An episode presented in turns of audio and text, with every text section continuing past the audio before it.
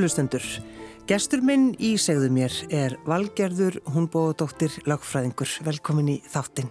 Þakka þið fyrir. Hvernig líður á fjöllum? Mér líður ótrúlega vel á fjöllum. Eh, fjöllin er í rauninni eini staðurinn þar sem ég finn ekki fyrir kvíða eh, og ef ég fæ þessa kvíða tilfinningu þá tekst mér að takast á við hana. Og þarna er svona, ég, ég flý svolítið þangað, ekki, ég fer náttúrulega fjöll til að njóta en líka til þess að losna við þessa kvíðatilfinningu sem ég glýmis oft við. Já, og er það þá uh, bara víðáttan og fjöllin sem hjálpa?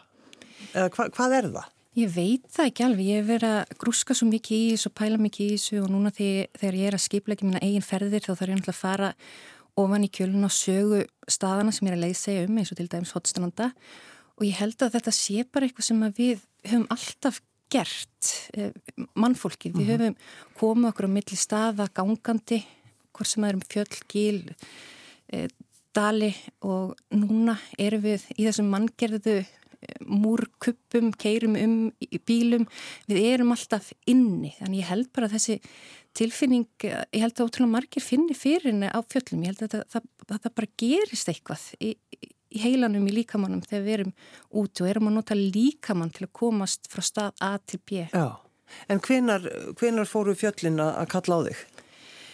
E, sko, ég á myndur að mömminu ófrískri með af mér á, á fjöllum og, og, og mér þótt alltaf rosalega gaman að horfa þessar myndir af henni á skýðum og fjöllum e, og, og letra mér. Mm.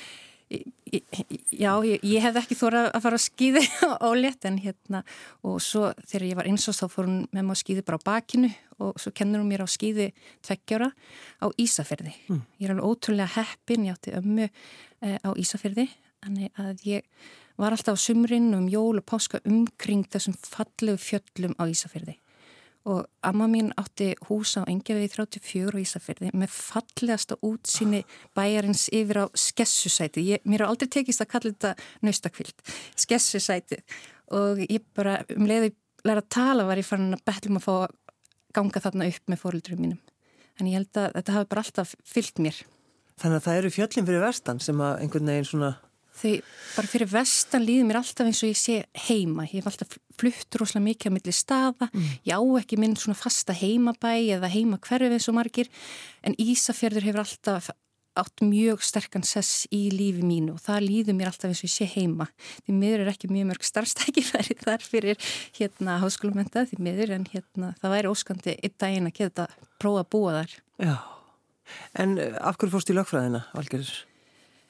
Það var eitthvað svona keppni í mér held ég, svona sanna að ég geti verið góður námsmaður, ég var aldrei góður námsmaður sem, sem barn og, og úlingur var ekki með sérstaklega góðar engunir í, í grunnskóla, það svona kannski breyttist uh, síðast ári í, í framhaldsskóla, eitthvað svoleis en um, ég var svona upptökina því að sanna það held ég að ég geti verið góður námsmaður mm. og hérna og um, ég vel háskólan á Akureyri því að þeir voru með svona alþjóðlega nálgun á löffræðinámið og ákveð svo að fara út í meistaranám. Þannig tók meistaranám í, við háskólan í Oslo í þjóðarétti með svona alþjóðlegri löffræði Já, það eru nú fjöll.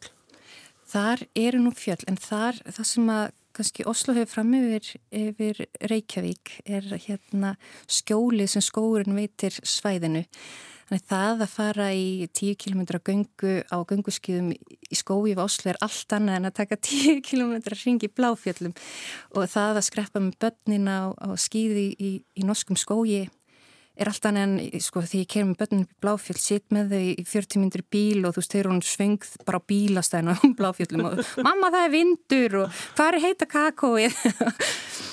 en ég, ég áði mitt mína fyrstu minningu um gönguskíði þegar ég er áttara uh, þá flytja, þegar ég sjöra þá flytja fólkdra mínir til Noregs og ég elst upp að luta til þar. Og þau flytja í útkverfi vestur á Oslo. Og ég var eini innflytjandi í skólan, nei það var einn íslensku stráku með mér í bekkrindar og uh, ég var alltaf svona að reyna að sanna mig því að ég náttúrulega tók smá tímalæra norskun tók einhverja nokkra vikur og manni þótti það langur tími þá. og mér fannst ég alltaf að vera svona skrifuna eftir bekkasískinu mínum. En svo um veturinn þá er skíðatagur og uh, ég lakkaði svo til því þarna ætla ég að sína þeim að sko, ég er búin að vera skýðum bara sína mann eftir mér. Þarna, þarna er ég jafn við þeim. Þarna ætla ég sko að sína hvað, hvað ég mér býr. Og e, svo skilja ekki þokkur það er ekki rúta komin að sækja okkur og svo er allir byrjað bara að klæða sig í, í, í skýðaskónum sem er allt öðru sem mínir skýðaklossar og ég klæði mig skíðaklossuna og genga þeim út í skólagarðin með hérna, skólalóðinu með skíðum mín og, og setja á mig og hínu hlaupa bara stað svo létt að fæta ég skildi í hvað skíðum þau voru eiginlega á Uh, og þá voru það náttúrulega gönguskýði sem ég lærði eftir þennan dag. Uh, því ég vissi á þeim tíma ekki hvað gönguskýði voru. Já, menn átti, átti því kjallarunum ég haf aldrei alveg skilu út af hvað þau gengur Já, já, já, þannig að já, þú varst bara að festa á því bara að ætlaði að fara niður brekkuna. Já, en ég gaf mig ekki. Þau sögðu, heyrðu, það held sér best að þú verður bara eftir og ég gaf mig ekki, nei ég ætlaði að fara á þessum skýðum með krökkunum. Og ég gerði það, ég skautaði á þeim því skóun var þarna bara við hliðin á skólanum, skautaði á þeim áfram eftir hinn krökkunum og, og þau íttu mér og dróðu mig og voru svo hjálpleg og góð. Og svo þegar kemur að brekkunni þá náttúrulega gaf ég þeim ekkit eftir, gæti rent mér niður. En daginn eftir þá sá aðstöðskólastjórun auðmur á mér, hann hafi frétta greið íslenska innflytjöndan sem hafi mætt á sviðskiðum og hann mætti skólan með gönguskiði gönguskíðaskó og stafi handa mér og sagði, sagði fólkdæmi mín að ég mætti hafa þau eins lengi og ég vildi Já Þannig ég lærði mjög fljótt á þau. Já, þannig að það er kannski ástæði fyrir því að þú ferð svo í nám til uh, þangað aftur, valgerður. Já. Já. E, það... Þannig að Norugur er svolítið svona stór partur á þínu lífi. Já, kallar á mig. Þetta er svona land þar sem er mikil áhersla á að njóta þess að veri í, í náttúrunni. E, eins og sé ég er náttúrulega engin keppnismannski, ég er bara gaman að því að kíkja með börnum mín á gungu skíðu. Þau eru ekkit að æfa, svonum minn æði í Norri en hérna bara að njóta þess að vera úti mm. og þegar við flytjum aftur heim fyrir þremur að vera fjórum árum þá langaðum við svo halda áfram að, að stunda þessa útivist að fara með tjald út í skó og, og bara tjalda sama á hvaða ástíma það var en eh, fólk horfið bara á mig og bara hvað er þú að, að tala um? En fyrir ári síðan þá, þá tekst mér að sannfæra vinkon mínar um, um að byrja að tjálta með mér og við erum núna í þessu mánu bú, allar búin að tjálta saman í að minnstakosti 12 mánuði og, og tvær okkar í held ég 19 Þannig við förum eftir vinnu og föstu dögum allar saman, skiljum eftir börn og, og einmenn og skjótumst einhvert einhvert bara út í einhvert skó eða einhvert lund eða upp á hengil eða aðra leinistaði sem ég ætla ekki að nefna og tjöldum saman og hlæjum og horfum á norðurljósinn og slökkum á símunum okkar og, og bara njótu þess að vera til. Já þannig að þið eru, þú ert að tjálta bara í hvaða, hvaða veðri sem er Já. og hvaða ástíma. Já. Og byrjuð hefur þetta alltaf gengið vel? Já þetta hefur alltaf gengið vel vegna þess að við förum mjög varlega en í eitt skipti þurftu við, ég og ynga vinkun mín að snúa við og það var í januar. En það er líka allt í læð því það er eitthvað sem maður þarf að læra í útvistinni hvena maður verður að snúa við og fara aftur heim og það er bara mikil ábyrð fólkin í því og það er bara mjög mikil hægt að kunna það. Já, og eru þið að tjálta á snjó? Og... Já, Já, það er sérstaklega gaman. Við erum bara með bökum hildar yfir ástandinu núna því að við viljum helst, við byrjum náttúrulega fyrra að prófa okkur áfram að fara á gönguskýðum með pulku og bakboka og, og, og tjálta en hérna við erum mjög sorgmandri yfir því að geta ekki tjáltaði snjó akkurat núna. Við erum að reyna að leita út um allt, við ætlum að fara næst útilega á morgun. Já, þannig að, að fara út einmitt uh, pakka niður þínu dóti og segja bæ við fjölskylduna. Já. Um, Af hverju hættir valgerður í lögfræðinni?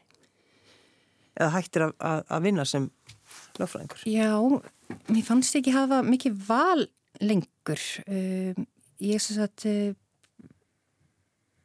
þegar ég ákveði að fara út í meistarnám í, í Nóri, þetta var mjög kræfjandi nám, það er bara teknirinn 20 á hverju ári og, og, uh, og ég var náttúrulega með uh, sónminn og með mér og maður minn varð eftir fyrsta árið, þannig ég var ein með hann fyrsta árið. Eftir það þá fyrir við út til Brussel og ég starfa bæði hjá Íslenska sendiráðinu þar og hjá EFTA og um, ég er alltaf bara að sinna mér svona krefjandi starfi samlega því að vera móðir. Þú, þú fer hérna að læra alþjóða samskipti Eh, eða eh, Þjó, þjóðarétt. þjóðaréttir, Já, já, já, já. háskólum í Oslo. Já, akkurat. Og svo flytjum við aftur til Noregs og hérna ég fæ starf sem hérna, verkefnastjóri alþjóðsamskipta fyrir e, fylgisþingmenn, fylgisþing í, í Östfól og er bara að ferðast út um allt að sinna alþjóðlu samstarfi og gera samninga, skipleikja stóra viðbyrði og ótrúlega skemmtilegt og gefandi starf og ég hef mjög mjög þörf fyrir að vera svona á á vappinu vera eh, hlaupa um skipleggja eins og ég segi viðbyrði og, og tala við fólk og hérna samfara fólk um að vinna saman og svo framveg skrifa texta og, og hérna halda kynningar og svo leiðs. Uh, svo verði ég ólétt af uh, þriði dóttur minni og, og, uh, og starfi minni þannig líkur og ég fer að starfa sem lögfræðingur hjá útlendingastofnun í Noregi og ég er ófrísk á þessum tíma og ég, ég byrja að fá martraðir. Eh, Mér þykir hérna, sem þetta er réttindi flóttamann og, útlendinga er mér mjög hugleikinn. Þetta er hérna mér hjartansmál, einhvað sem ég hef brennandi ástriðu fyrir og þannig að mér fannst ég vera rétt manneskja á réttum stað þarna hjá útlendingastofnun að gera allt sem ég gat til þess að hérna standa vörðum um réttindi fólks á flótta. Uh, en svo upplýf það að, að kannski verið þeirri stöðu að þurfa að sinja ofriskri konu um, um dvalarlefi eða uh, sinja konu með nýfætt batnum dvalarlefi og, og það hafði rúslega áhrif á mig þannig ég byrja að fá margtræður ofrisk um að, um að það sé að vera að fara endur til míslendingum út úr Nóri og, og hérna byrja að fá margtræðir og sem og hérna og eitt skipti þá mæti til heimilsleiknisins í, í hérna í, í skoðun og hann sér heyr, ég held að við þurfum bara að fara að setja því af stað. Þú er bara komið með hérna byllandi háan blóðrýsting og þetta bara lítur ekki nógu vel út þannig að ég er sett af stað og á dóttumuna réttur um þremu vikum fyrir tíman og ég nýti svo að vera í fæðingar orlofinu og ég byrja bara að lappa alltaf 20 km inn í skóginum með barnavagnin og, og skipleg einhvern svona hóp íslenskra mæðira sem langar að ganga með barnavagnin í skógi og ég nýti svo að vera í fæðingarorlofinu. En mér tekst ekki að fara aftur tilbaka. Ég, ég mæti aftur í vinnuna að lokna fæðingarorlofi og mér bara tekst ekki að tekst ekki að sinna starfinu vel, mér tekst ekki að hugsa skýrt og, og ég er að reyna mitt allra besta og og hérna og, og mér tekst ekki að hitta vín eftir vinnuna, ég er bara búin á því ég er alltaf, alltaf þreytt. Og fyrir mér var eina lausnin að flytja aftur til Íslands sagði, þetta, þetta leysist við flytjum aftur til Íslands af því þá er mamma rétt hjá, hún getur hjálpað okkur sótt í skólan annars leið þannig að ég ætlaði mér aldrei að flytja aftur til Íslands í rauninni að þannig séð, það var ekkert á planinu. En var það þannig að þú talar um sko valgir og þú, þú bara hugsaður ekki skýrt? Var það í raun þannig? Í, í tengslu við þína vinnu? Varstu þá bara að þú sagðir einmitt að þú hef, væri mjög skipulögð og, og þetta væri bara skemmtilegsta sem þú væri að gera. Já, ég hef rosa gaman af þessum máluflokki og hann, hann skipti miklu máli, ég hafði lagt áherslu á hann í mínu meistarnámi og þegar ég kem til Íslands þá fæ ég fljóðlega starf hjá, hjá hérna Rauðakrossunum við, við þennan máluflokk og, og ég held að mér takist að, að, að, hérna, að sinna því starfi bara með príði en mér tekst ekki og mér líður bara eins og ég sé á svikskjum og allir hinn er á gönguskýðum einhvern veginn, ef ég get orðað þannig. Og ég hugsa, af hverju tekst mér ekki að standa mér jafnvel og samstarfsfólknit, ég hef brend áhuga á þessu, ég hef mentununa, ég hef tungumálakunnotuna, ég hef hérna búin að læra um, um þessi samfélag sem að fólk kemur frá, af hverju tekst mér ekki? Og, og um, ég byrja að missa hárið, ég fæ skallablett og er alltaf lasinn og hérna alltaf með kvef og, og ég bara ég bara skil, ég er alltaf hjá lækninum og eftir að hugja þá tökst af hverju, af hverju saðingin neitt en, en um, svo fæ ég post frá Háskóli Íslands sem þau eru að, hérna, að kynna meistranámi í alþjóðsamskiptum og þetta er nám sem að hafi lengi heitla mig mm. og ég ákveð bara að sækja um, hafa umsóknuna inni og svo kemst ég inn en, en, en hérna segja ekkert vinnuvitundum mínu frá því alveg strax og svo fyrir að ræða um manni minn hvort ég geti kannski óskæftir að fara niður í 80% starf og vera í námi með og, og hérna, hvort ég hætti kannski aðtók hvort að það geti gengið. En svo fer ég í sumafrí í, í einhverja tvær-þrjár vikur og ég mæti aftur vinnuna og ég er bara ennþá svo, svo þreytt og ég verð svo reyð við sjálf með af hverju tekst mér ekki að mér bara tekst ekki að hugsa skýrt, mér tekst einhvern veginn ekki að koma neina vel frá mér og, og þetta er svo vond tilfinning að vilja standa sig vel en geta það ekki og, og þetta er einhver óþægilegasta tilfinning sem ég hef haft þannig í staðin fyrir að, byrjum að fá fara nýri í starfsprosentu þá uh, fekk ég bara fara og bara hætta næstu því bara daginn eftir mm. og uh, því visskinn ég var að fara í meistarnám sem ég var náttúrulega vissilega að, að gera þannig ég faldi mig svolítið í, í áhugaverðu meistarnámi og hef bara verið að grubla í því ótrúlega, ótrúlega áhugavert viðfangsefni samhliða því að byggja upp feril sem leðsumadur, sem gunguleðsumadur og fjallaleysu kona. Mm. En, en hvað var það, Valgerður? Hva, hva, hvað var að? Ég er unn bara veit það ekki. það er hérna, já. Er talað um kulnun, er, þú veist þannig oft eh, eitthvað svoleiðis nefnt því að það verður oft bara svona líkamlegt. Já, þetta var orðið, orðið mjög líkamlegt en ég fór aldrei og óskaði eftir greiningunni þannig ég svona Já, þú, tók þú þessu bara svona og, og, og faldi mig í rauninni bara í, í þessu mistaranámi mm. og hérna, já. En finnur þú orkunna þar? Ertu, þú veist, ertu alveg það tók svolítið tíma. Ég held að ég myndi, ég held til dæmis, ég átti ekkit eftir af skamtíma minni, ég myndi valla ammælstaðaballana minna eða, e, já, ég var með rosalega leilægt skamtíma minni. Og þegar maður fyrir aftur í nám þá náttúrulega reyðum að sjá skamtíma minni og, og minnið. Og ég held bara ég gæti þetta ekki. Uh, og ég hugsaði bara, ég verð bara hætta. Ég ætla, ég ætla að prófa þetta að sjá hversu hversu langt ég kemst en svo eftir fyrstu önnina þá fæ ég bara þess að gríðalegu sígur tilfinningu því að það gengur vel og, og það koma góðar engurnir og, og hérna og, og það er heldur líka eitthvað sem er svolítið erfitt í starfi lögfræðings, maður er eða allan að tala fyrir mittlum, maður er ekkert að fá eitthvað svona, já, rosalega var þetta vel skrifið greinangjönd, já þetta er og bara hinn og opimbur eins og fólk bara hef, heyrtu út undir mér, fólk hérna er ekkert að sjá dagsverki sitt heldur e, fólk sem vinnur á skrifstofum. En þegar maður er að starfa sem leðsumadur og þá þá fær maður að heyra það, bara, þetta var rosa skemmtileg ferð og vá hvað það var æðislegt útsýn þarna og vá hvað þú var skemmtilegu farastjóri og maður fær, að, maður fær svona viðkenningu og maður sér gleðina í, í augum hérna viðskiptavinnana og Þannig að þú ert að tala um þetta þegar þú situr á skrifstofustól það er munurinn og svo hleypur upp fjallið Já.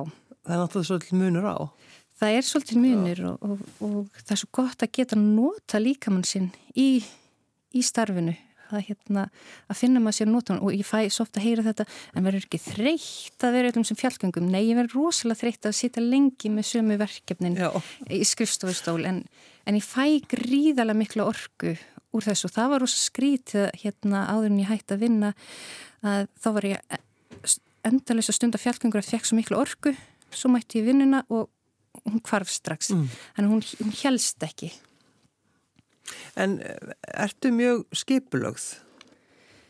Um, það er mismunandi. Um, mér finnst uh, alltaf erfitt að svara þessari spurningu því að sjálfur finnst mér ég alltaf geta staðum betur og ég vera miklu skipulaðri en svo eru aðri sem, að, sem finnst ég vera skipulöð mér, mér finnst það ekki en mér finnst rosa gaman að eh, vera í starfi þar sem að hérna, maður þarf að takast á við áskoruna þegar það er koma upp. Mm. eins og þegar ég er að búa til ferðir fyrir eh, ferðarfélag Íslands til dæmis, þá er ég búin að skipilegja ferðina í þaula á húnum farin, en ég er, en svo bara tekur tek maður hérna upp á komunum og, og bara, já, því sem að gerist þegar það gerist, mm. ætla ég segja, maður er ekkert með eitthvað endilega skiplaða ræðu gegnum alla ferðina en svona maður þarf samt að vera búin að fara á staðin og kannaðstæður og tala við fólk sem að þekki betur til en ég mm. og svo finnst mér ég alltaf þurfa að vera búin að ná mér í svona ákveðin réttindi, ákveðin grunn áðurinn í fer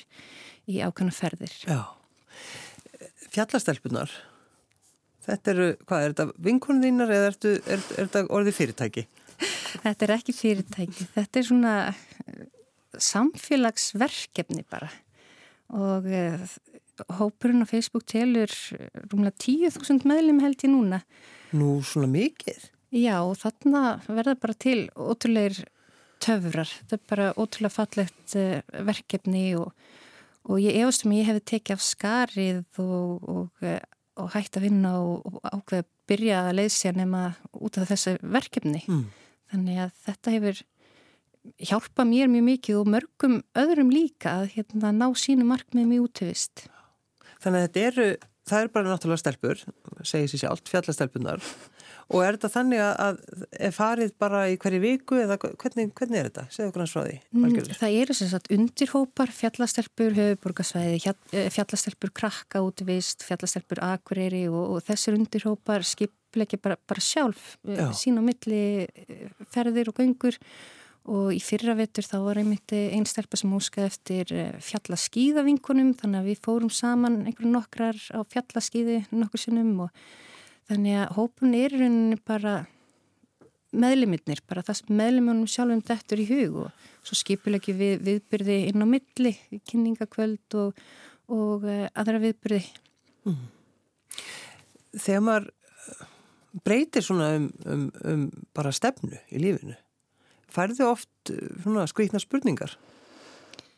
Já, ég fæ ótrúlega margar skrítnar spurningar. Ég finnst þú að spyrja að þessu að því ég var einhvern veginn hugsa að ég þurfti að skrifa þetta niður um, Jú, ég fæ, fæ spurningar eins og er þetta alveg að vinna eða er þetta að lifa á þessu og Já. hérna og, og, og, svo, og svo framvegis og hérna, jú Er þetta að vinna? Það mista svolítið gott Já Þannig að ertu í alveg að vinna, valgerður? E, sko, þetta er ekki orðað fullustarfi hjá mér. Ég starfa í hlutastarfi hjá hérna kynnisferðum og leiðsegi hérna ferðamönnum mhm. -huh. og stunda svo líka námi í gönguleysögn við mentaskólum Kópavogi og svo er ég hérna farastjóri hjá Ferðarfélag Íslands og er núna að fara að taka nokkuð stort skref eftir ármót e, því ég er að fara að e, halda utanum eigin verk, verkefni, eigin hóp þar sem ég ætla að undirbúa þáttakendur undir það að, bú, að ganga með allt á bakinu að sumri með því að byrja í mars og hérna og byrja að tjálta úti í mars og í loka april oh. bara í nágrannir Reykjavík þannig að fólk getur svona tekið sín fyrstu skref, prófa sér áfram áðurna að teka svo stóra skref í sumar því að þetta er eitthvað sem ég hef bara unni með e, bara síðastlegin 7-8 ár e, frá því ég var í Nóriði að, hérna, að byrja svona smátt og smátt mm.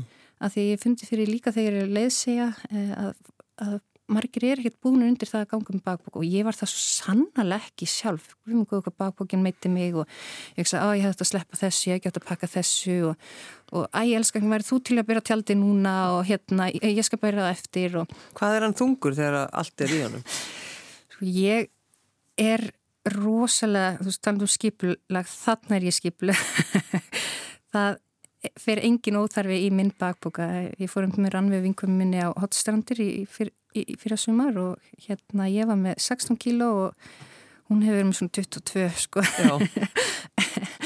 En 16 kíló á bakinu, það er, það er slatti? Það er slatti líka þegar maður er að taka svona hækkun og svo er það líka bara krefjandi að byrja að sofa í tjaldi, það er ekkert netsamband á hotstrandum það er ekkert símasamband nema á einhverjum ákveðum punktum í einhver ákveðin hæð og það er, það er krani og vasklósett eh, á tjálstæðinu hérna, í, í Hotnvík en ekki hérna Hælavík og þannig að það, líka bara það að takast á þessar aðstæður mm. getur verið krefjandi fyrir, fyrir fólk.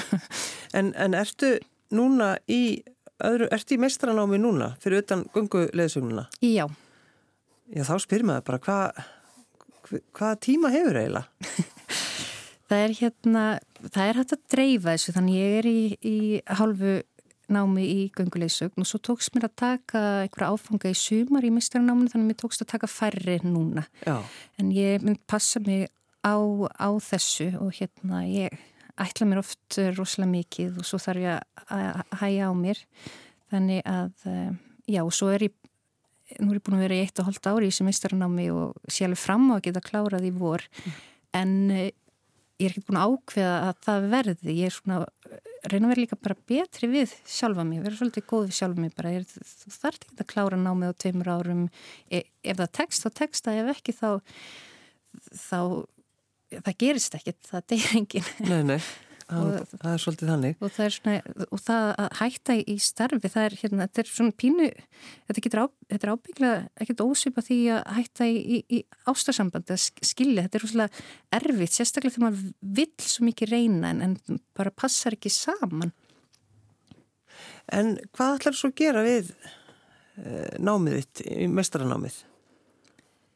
Veistu það, ætlar að fara aftur að vinna sem lagfræðingur?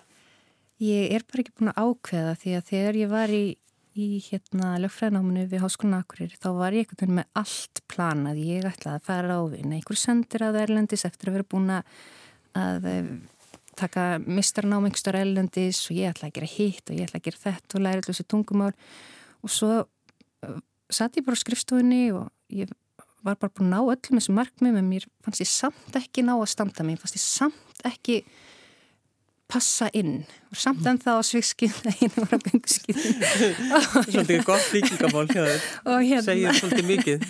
Ég líka bara þessi þrjóska í mér að, að því mér finnst þetta ekkit endilega vera kostur að, að, að kunna ekki að gefast upp að hérna að því að þetta er eitthvað sem ég langar að læra líka bara að eins og maður gerir á fjöllum nei við komumst ekki á toppin núna það er bara, það er svona veðrið, mm -hmm. þú ert um blöyti fætunar og, og hérna þess er svona og það bara er ekki hægt að fara på toppinum, það er ekki ábyrgt, við verðum að snúa við. Það er alltaf að fara á um topp setna, það kemur nýr dagur og, og þetta er svolítið hérna bara hugsunarháttum sem langar að taka með mér út í atvinnlífið þegar ég fer aftur í skrifstofistarf hvernig sem það verður og, hérna, og þá vonandi uh, samhliða starfi í göngulegsögn eða fjallalauðsögn. Já, þegar þú varst úti að vinna uh, í tengslum við útlendingastofnununa mm. og eins og varst að tala um að þetta bara fór inn í sálinna þeina. Já. Svo kemur þau heim og fer að vinna hjá Rauðkrossinum.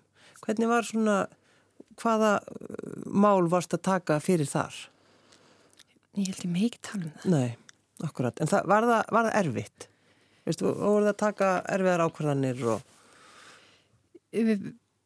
Sko, kosturum við það að vinna þeim meginn við borðið er að maður þarf ekki að taka ákvarðanar mm. og, og það er eiginlega jafn erfið. Stundum fannst mér eins og, eins og hérna þegar maður er hjá útlendingastofnum þá svona er maður að reyna allt sem maður getur af því að maður er að taka ákvarðanar en, en þegar maður setur hinn með borðið þá er maður ekki að taka neinar ákvarðanar í rauninni, mm -hmm. bara að mhm. reyna að gera sitt besta. Mm. En, en sérðu þig fara aftur út þá? Þú, þú veist, Brussel?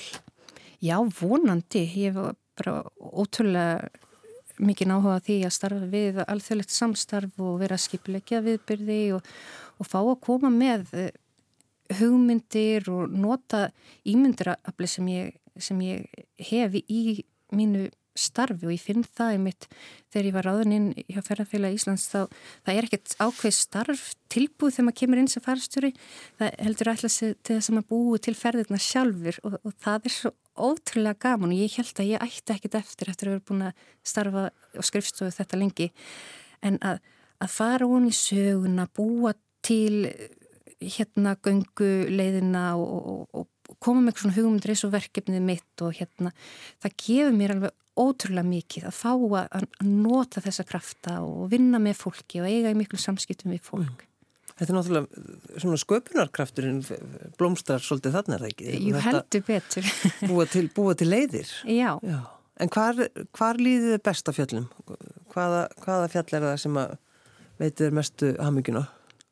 Það er ekkert eitthvað svona uppáhaldsfjall. Mér líður alltaf lang best á, á Ísafyrði og, og fyrir vestan og, og amma mín á Ísafyrði hún ólst upp í fjallslið í Súndafyrði. Bjóði í litlu húsi hérna í, í fjallslíðni og Göldur heitir fjallið og hérna og fjöllin er bara eitthvað, þannig fyrir vestar eitthvað sem að gefa mér ótrúlega mikið og líka sögurnar hennar um það hvernig þau gengu millir staða, gengu yfir til Ísafjörðar og hérna gengu yfir á Galtarvita til að fá lána rjóma og, og ég hef hort upp í hlýðan og ég hugsa bara hvar í óskupunum gengu þau yfir í Galtarvita þetta er, þetta er svo bratt það er svo mikla skriður aðna en þetta, þetta gerði fólk. Og, og var hann að segja þér frá þeim ævintýrum alltaf? Þannig að það hefur svona eitthvað Já og svo fórum við oft bara í bíltúra um vestfyrði og stoppum við einhverju svona, ekki eins og eðibíli, bara svona gamlir grunnar af einhverjum bustabæjum og hérna, og hérna torfbæjum og, og hún fór að segja svo, já hérna bjóðu þessi langama þín og hérna bygguðu þau tuttu saman. Og sæði svona sögur frá fólkin sem bjóð þarna og, og það er svo gaman því í gönguleysögninni þá er maður með mér í námanu sem hefur hérna, tilheri fjölskyldunni sem á eitt af húsunum í Hotnvík, eh, Stíkshús og hérna, hann hérna segir mér ímsar sögur þessu tengdu og, og það er svo gaman að, læra um fólkið sem að bjóa þessum stöðum og, og hérna eina ferðunum sem ég er um að fara að lesa næsta sumar á Hotströndum er kvennaferð með áherslu og sögu kvenna á svæðinu Þannig ég er að sapna sögum um, um konuna sem þarna byggu og, og allar reyn eftir bestu geta að hafa mik, hérna, mikla áherslu á þeirra sögu þó maður verður náttúrulega auðvitað að bæta kallmennunum mín. En þetta er sko magnaðar sögur. Þessar konur sem að byggu þarna og þurftu að að standa sig, talandu um það að standa sig algjörður. Já og ekkjur sem að stóðu fyrir stórum búum þarna þegar kallarnir druknuðu eða hérna og öll börnin kannski dáin líka og, en barnabörn, eitthvað barnabörnunum eftir og þannig að þetta er bara ótrúlega, þetta er svo miklar hetjir. Þannig að það er kannski það sem ég framöndun hjá þig núna, það er bara skipilegi næsta sumar. Það er skipilagt, það er bara, það er Excel-skjál og það er bara orðið bókan. Já. alveg frá mars og fram í ágúst. Hvað með krakkaniðina algerður? Eru þau valhappa þau í kringum því þegar þú ferði í göngur? Ég held að Óskars ég geti sagt það því að við erum líka að, að leysa fyrir hérna ferðarfélag batnana maður minn kemur hérna þá með mér sem hérna farastjóri eða, eða samfarastjóri eins og við kallum það. Og hérna og börnun með og við leysum um laugavegin í, í fyrra sumar með ferðarfélag barnana og næsta sumar erum við að fara að leysa viknaslóður, ég held að ég voru löngu fullt í þá ferð og hérna og ég hafði gríðarlegar áhyggjur af þessu fyrst. Ég bara, uff, við erum góður eða eftir að taka einhver svona kast á leiðinni og, og hvað hinn er fóröldarinn eftir að hugsa þá? Og jú, þau tóku nokkur köst og það, ég held að enginn hafi verið að pæli það bara síndi að við fara stjórnum eins mannleir og, og hinnir, þannig að mm. þau þurfa alveg svolítið kvartningu og hérna og ég er ekkert að gera neitt mikla kröfur til þeirra heldur. Þetta á bara að vera til þess að njóta Já, kannski svolítið að, já, að kenna þeim kannski svolítið það, sko, með lífið á fjöllum. Já. Þetta er náttúrulega, það þarf kannski einmitt að gera það. Já, ég er nefnilega, mér langar svo rosalega til þess að þetta verði bara sett inn í námskráð skólan að, að börnum sér kenta stunda útvist því að ég held við sem einhvern veginn hægt að kunni þetta, við þurfum að læra þetta aftur þegar við erum fullorðin, ég var náttúrulega sjálf í skátunum og, og hérna og hafði ákveðna þekkingu þaðan. En uh, já, það var óskandi að við getum verið bara með útífistar eh, námi í grunnskólum. Mm, mm. Er það þannig, Valgerður, að, að því ég, ég spurði þig áðinu settustein, ég sagði þú ert náttúrulega lögfræðingur, að því við erum alltaf, við erum alltaf skilgrinn okkur svolítið við hvað við, semst, hvað við gerum? Já, ég, ég bara veit það ekki. Ég, hérna, ég er orðin svo ótrúlega lítið upptekin af þessu og hérna, ég ágei eins og lengur innifött. Nú er ég ekki búin að vera að vinna skust á í eitt og halvt ári, ég álega bara útifött. Hérna, er ekki innifött. Nei, til hvað segja innifött. Hérna. En maður er alltaf úti. Já, jú, ætli, ætli það ekki en ég, ég kynni mig ekkert sem, sem lögfræðing ég, hérna, og er voru lítið upptekinn af tittlum nú orðið allan, mm. kannski var ég það áður Já. En er það þannig bara lókum, sefum maður best í tjaldi þegar það er snjór eða hvernig, sko, hvað er best? Uh, til að byrja með þá séum maður ekkert rosalega vel. Þegar maður er að læra búnaðin sinn og er að byggja upp búnaðin og því byrjun er maður að nota bara það sem er til geimslunni, fá lánað hér, hérna og þann og, og það er eitthvað sem ég hvet fólk til að gera, ekkert vera að hlaupa og kaupa allt strax, bara finna út hvað, hvað hendar ykkar útivist. En þegar maður komið með alla góðu græjurnar þá sef ég hverki betur og hérna þetta friska loft og, og hérna, já. Og kannski þögnin. Já.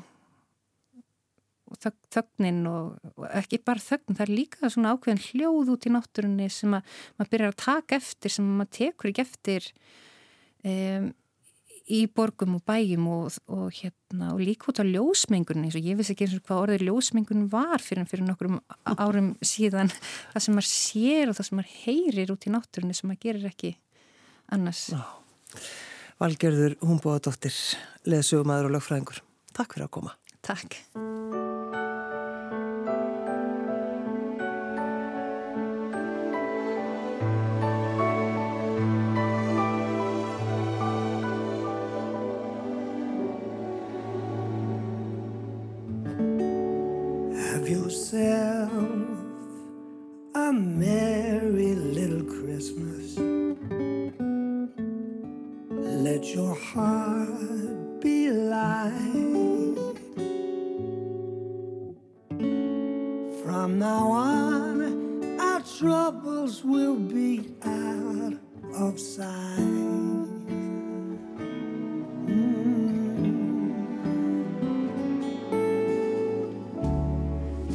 yourself a merry little Christmas.